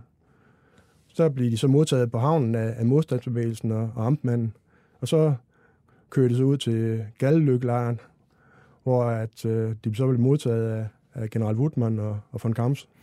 Det vil sige, det er Woodman, der forhandler med, med russerne. Ja, det, det holder von Kamps på, at det må være ham, der skal gøre det, fordi nu er det jo ham, der er kommandant over hele øen. Men der er det jo, at von Kamps, han hævder jo over for russerne, at, han, at de her tyske på Bornholm, de er faktisk engelske krigsfanger. Ja, Øh, men det, det, det er ikke noget, der går indtryk på russerne. Og, og, det, og det gør han, fordi at Danmark jo har kapituleret Ja. først til... Jamen, øh, det, det hævder man, og det tager russerne til synligheden af notam, og de muligvis påstår de så også lige frem, at man så vil sejle øh, dem over til, til Koldberg, hvor man kan så overgive sig til, til, til britiske officerer. Det, det er så kun noget, Gert von Kampen han siger. Det er ikke noget Woodman, han, han hævder, men i hvert fald så ser det ud som om, at russerne de siger, jamen, I, I, skal, I skal nok møde England, så I kan kapitulere. Hmm. Øh, så fortæller von Kamp senere, at han øh, faktisk overvejede selvmord, øh, og det skulle selvfølgelig ske øh, med pistol ja. Og hen over øh, krigsmarinens øh, krigsflag og sådan noget, det her røde flag med korset og hagekorset Mhm. mm-hmm. selvfølgelig, men han kom på andre tanker. Ja, øh, han skriver en meget rørstrøms beretning i 1995 om, hvordan han, en, øh, en ung øh, Lotte, altså en, øh, en, en kvindelig soldat, overbeviser om, at det, det skal han ikke. Han beskriver så også, hvordan han tænker, jo okay, altså nu, nok er jeg slået, nok er jeg slået militært, men ikke, ikke i ånden. Og krigsfanger har jo også brug for ledere, som kan holde deres mod oppe. Og ånden, det er den nationalsocialistiske Ja, eller det- ja. nazistiske ånd, han Ja. ja. taler om. Øh, Han hævder også, at Bornholm kunne have give anledning til det her mulige brud mellem de allierede, som, som tyskerne længe havde håbet på. Altså det her øh, forestilling om, at, at, som du også nævnte før, at at det var en, en, en, en alliance, som var usikker. Hvordan skulle Bornholm spille den rolle der? Hvordan skulle det udvirke? Jo, men altså, øh, hans, hans tanke var jo, at hvis han Hold det længe nok. Hvis han holdt ved længe nok, så kunne der komme en konflikt mellem, øh, mellem britterne og, og russerne, og han havde jo så håbet, at der kom britiske tropper til, til Bornholm, og så de kunne blive angrebet af, af russerne. Men altså, det, det var jo ikke noget, han selv kunne gøre noget for. Det eneste, han skulle gøre, det var jo at holde øen. Men det sætter jo hans, øh, han påstand om, at han jo også ville hjælpe Bornholmerne ved at forhindre, at russerne de kom der. Det sætter det i lidt interessant lys. Og det, er, og, det er selvfølgelig noget, han i, i den øh, øh, efterkrigstiden, øh, koldkrigstiden, jo ligesom kan, kan udbrede den der Ja, forestilling. ja. Øh, fordi der, der, der trives den nok øh, bedre, end den gør de her øh, øh, dagene lige efter kri- krigs Helt sikkert, ja. Øhm, det ender jo med, at han kommer i krigsfangenskab i, Rusland i 8 og et halvt år. Øh, det er jo lang tid. Øh, hvad, hvad, hvad foretager han sig i krigsfangenskab? Er det sådan noget hårdt arbejde, hvor han skal bygge broer, grave kanaler, eller hvad, hvad laver han? Han øh, laver formodentlig ikke ret meget, fordi ifølge Genève-konventionen, så må man ikke øh, sætte officerer til at, at, at lave arbejde, Okay. fysisk arbejde. Og han bliver, kommer, op- bliver også sat i rest, resten for det, fordi han nægter at, at, at udføre fysisk arbejde. Foretager også et enkelt gang et, øh, et flugtforsøg, hvor han er ude af fangelejren i, i, i fire uger, men så bliver taget til fange igen. Og ellers er, er han indstillet på at, at være russerne en, en, en vanskelig fange. Der er for eksempel den anekdote, at øh, hver, hvert år ved 1. maj, så meldte han sig og bad om at blive sat i, i arresten. Fordi det var det eneste sted i lejren, hvor den her røde klud, den ikke hang. Okay, så går han på den måde ligesom... Øh, Så kunne han demonstrere, demonstrere sin modstand. Ja. sin politiske modstand øh, mod kommunisterne. Øh, Hvor, hvor, hvor, hvor sad han øh, i, øh, i, i Jamen, i Sibirien? Eller, Han sad i en, en række forskellige lejre i, i, i Baltikum og, og nede ved, ved, ved Sortehavet. Men på et tidspunkt i, øh, i midten af 50'erne, så kommer han jo tilbage til Tyskland og bliver pensionist og bosætter sig i Kiel og, og gift igen. Ja. Og, øh, og hvad, hvad er sådan hans tilværelse efter krigen? Han, øh, han kommer jo aldrig sådan rigtig i beskæftigelse igen. Nej, han, han lever som pensionist, og vi kan ikke se, at han... Og, og der er han altså i starten af 50'erne. Ja. Ja. Og så øh, går han så i gang med at drive forskellige former for højere ekstrem virksomhed. Okay. Er det noget, han le- lever af, eller arbejde, eller hvad? Nej, det, det, det, det, det er jo, det er jo i, i hans fritid. Det er ikke noget, han, han, han får løn for. Så det vil sige, at han er sådan en øh, professionel øh, læsebrevskribent, eller, eller hvad skal man forestille sig? Eller, Øh, eller mere det- gedult? Det er vist lidt mere gedult, men han bliver blandt andet medlem af et parti, som hedder Deutsche Reichspartei. Og, og hvad er det for et parti? Det er et revisionistisk, nationalistisk parti, som går ind for, at man skal, at Tyskland skal tilbage til sine, øh, sine gamle grænser og Fra 39. ja, fra 39. Og også, øh, der er også dele af partiprogrammet, som nærmest er en kopi fra NSDAP, altså nazistpartiets program. Så det er et, øh, et, et gammelt nazistparti. Et parti for gamle nazister. Ja, det, det kan man sige. Er det, er det et parti, som får som sige, øh, et øh, stor opbakning i, i 50'ernes øh, øh, Vesttyskland? Det gør det ikke. Uh, muligvis så har han, stiller han, eller stiller han op øh, som kandidat for partiet. Men Og det kongen gør det i hvert fald. Ja, kongen gør det, det ved vi med sikkerhed. Men uh, det er, det, i første omgang så er det, får de 1%, og anden omgang, da konen stiller op, så får de 0,8% af stemmerne. Så det er ikke rigtig noget, der slår igennem nogen steder.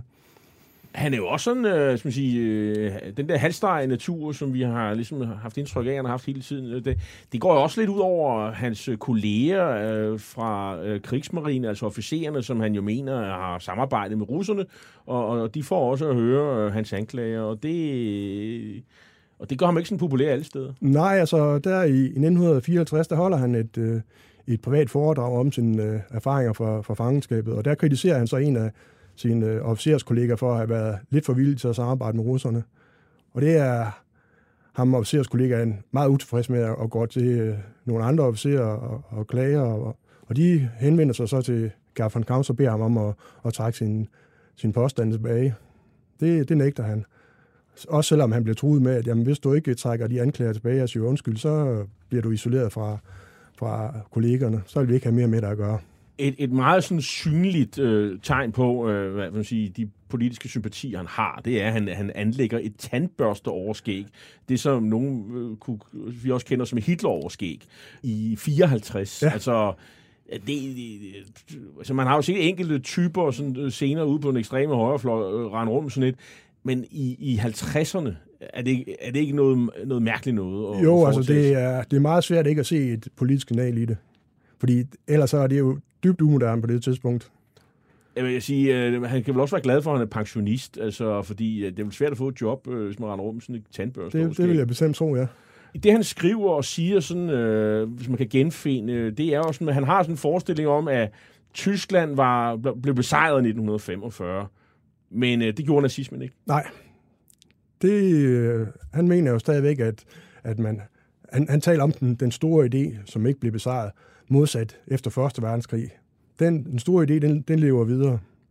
Og, men han forholder sig ikke til sådan koncentrationslejre og andre ting og sådan noget. Det, Øh, det gør han på sin vis, fordi øh, han øh, har også noget at gøre med øh, holocaustbenægteren Tis Kristoffersen, som skrev øh, den her brochure Auschwitzløgnen. Og han er så her i, i Danmark specielt kendt, fordi han jo søgte tilflugt i, i, i Sønderjylland i, i, i 80'erne, fordi han blev retsforfulgt i Tyskland. så kunne han drive sin forlagsvirksomhed fra den anden side af grænsen. Og øh, ja. han har så et enkelt læsebrev i Tis Kristoffersens tidsskrift, hvor han roser ham for en sidste udgave af, af, af De Auschwitz-lyge. Og jeg synes, den er, er særlig overbevisende. Og hvem, hvem har jeg sådan skylden for 2. verdenskrig, hvis man spurgte øh, Gerhard von Kamps øh, i, øh, i 50'erne eller 60'erne? Det, det er jo de allierede. De, Det er de allierede? De lukkede øh, Tyskland ind i en krig. Og for Tyskland var det jo bare en forsvarskrig. Okay. Øhm, helt øh, bizart vil man nok sige, det, der kan man se i forbindelse med en, en kransenedlæggelse, i, øh, øh, hvor at han jo sender en, en krans, øh, hvor han blandt andet skriver om øh, vores helte og martyrer i 1933. Øh, hvornår og hvor er det, han nedlægger øh, øh, øh, eller betaler og sender en krans øh, med den her ordlyd? Det øh, gør han sandsynligvis gennem mange år i virkeligheden, fordi øh, i 1963 så er der en øh, tysk journalist, der bliver opmærksom på, at øh, der i det tyske marinesmindmærke ved, ved Labø, ved, ved Kiel, der hænger der en, en krans med en, en, øh, noget, noget mærkelig tekst på. Øh, øh, det er til vores øh, helte og martyr fra 1933 til Og- 1963. Og, og, og helte og martyrer 1933, det er jo nazisternes magtovertagelse. Der, øh, Ja. Og, Og det vil sige, det er altså martyrerne, som, som kæmpede for magtovertagelsen. Ja, det er, også, og- det er også en meget typisk dato, han, han nedlægger de grænser, fordi det er den 30. januar. Så er der jo ikke, ikke, rigtig nogen tvivl om, hvad det er, Nej, det, er, her. det er jo årsdagen for Hitlers magtovertagelse. Okay. Og der er, er flere af den slags grænser, der er det. Så det vil sige, det er ikke, øh, det er ikke for dem, der faldt under 2. verdenskrig for krigsmarine, der, fordi det, det, det er jo helt okay at hænge grænser op for, for hvad skal man sige, øh, gamle kammerater, der, der omkom osv. Men det her, det, det er specielt. Ja, det, det, det er tydeligvis, det er ikke, drejer sig ikke bare om, om soldater. Det er en politisk markering. Ja. Det ender vel her i 63 med, at det er så sidste gang, han får lov til det, eller hvad? Ja, til synligheden, jeg har ikke fundet flere kilder på det, men øh, det, der kommer jo så en politiundersøgelse i gang, fordi det her, det er jo øh, det, man kan kalde for, for vandærelse af, af, af republikken. Og, og, Og det tager man sådan... propaganda. Så det kan godt være, at man har alle de her synspunkter privat, men det er ikke noget, man, fløj, man flager med i offentligheden. Nej, ikke. øh, Det, det, det, er jo, det er jo direkte forbudt, og der bliver så også en politiundersøgelse, og, og politiinspektøren, han forsøger så også at få en, en god forklaring på von Kampf for, hvad man egentlig mener med det. Men det er han ikke så indstillet på. Han, han øh, siger, at jamen, hvis jeg bliver anklaget, så vil jeg gerne komme med en forklaring på det. Og det, det gør man så ikke. Sagen den bliver frafaldet. Am 17. September endet ein Kapitel der deutschen Geschichte. Nach 40 Jahren und 30 Tagen Haft setzt Hitlers letzter Mann im alliierten Gefängnis in Berlin-Spandau seinem Leben ein Ende. Seit 1947 wurde Rudolf Hess hier von Russen, Amerikanern, Franzosen und Engländern abwechselnd bewacht. Häftling Nummer 7 wurde 93 Jahre alt. Er wurde an einem unbekannten Ort beerdigt. Das alliierte Gefängnis gibt es nicht mehr. Ja, så er Rudolf Hess jo død her i 1987, som vi hører, og, øh, og der indrykker han en dødsannonce i øh, den konservative vis, De Welt, øh, i, anledning, i den anledning, og, øh, og nu er det, at det tyske politi de sådan begynder at interessere sig for hans, øh, hans, hans virksomhed. Øh, øh, det, er sådan en, det skal ses som sådan en, en støtte til, øh, til Rudolf Hess. Ja, altså... Som er Hitlers øh, øh, øh, man sige, øh, stedfortræder, var Ja, altså det, det er helt åbenlyst, fordi i de gamle og de nynazistiske kredse, der blev Hess jo dyrket som en martyr. Og man så indrykker en, en dødsannonce for, ham, det er jo i den grad en markering af, af, af hans øh, politiske ståsted. Det er også på det her tidspunkt, han sådan øh, begynder at, at komme til Bornholm og, og, og giver interviews og sådan noget. Er han meget sådan tilpas i den rolle der, i, når han kommer til Bornholm og sådan øh, egentlig? Ja, altså vi kan se, at han var faktisk over på Bornholm i, i to omgange. Første gang midt i 70'erne, hvor han ikke øh, gjorde opmærksom på sig selv. Og anden gang så i, i 1982, hvor han så kontaktede, eller det havde han så i forvejen kontakt med Thomas E. Jensen, og der blev lavet et stort interview. Og det har han det til synligheden fint med. Han, øh, han dør i, i, i 90'erne. Ja, han dør først i, i 1998, Og i en der- alder af 95. 95 år, og, øh, og, og hvordan øh, blev det markeret, hvis det blev markeret?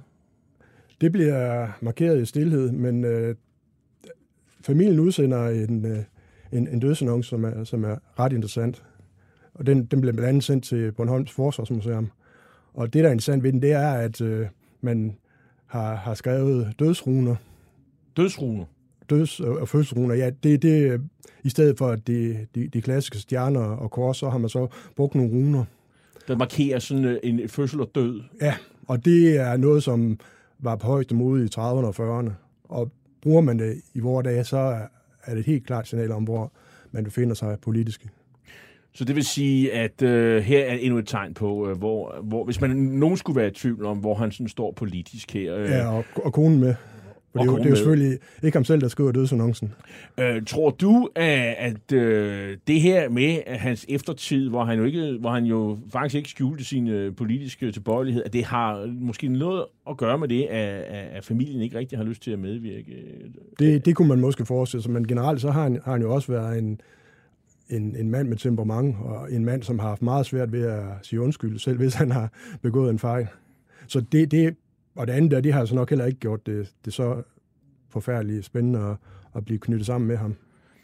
For Bornholms øh, historie har Gern von Hams øh, jo øh, en helt central plads, må man nok have lov at sige, primært for det dårlige. Øh, øh, ellers så har der vel også været gjort nogle forsøg på at, at give ham sådan en, en tidlig rolle, som en, der sådan stod op mod den senere røde fjende. Det er i hvert fald et billede, han gerne selv vil tegne af sig selv. Jo, helt klart. Øh, og han, han mener jo så også, og det er det, han siger i interviewet i, i 1982, og også i og, også de andre interviews, han laver, og så i sine erindringer fra 95, jamen han, han opfatter sig som en god soldat. Tak skal du have, Jens Andersen. Du er historiker og museumsinspektør på Bunkermuseum Hanstholm, fordi du kom for, forbi i dag. Vi har talt om din bog, Gerhard von Kamps, Bornholms sidste tyske kommandant. En bog, som er udkommet på forlaget Turbine. Hitlers æsler er slut for i dag. I teknikken sad Josefine M. Hansen, og jeg hedder Jarl Cordua, og er vært og tilretlægger af programmet.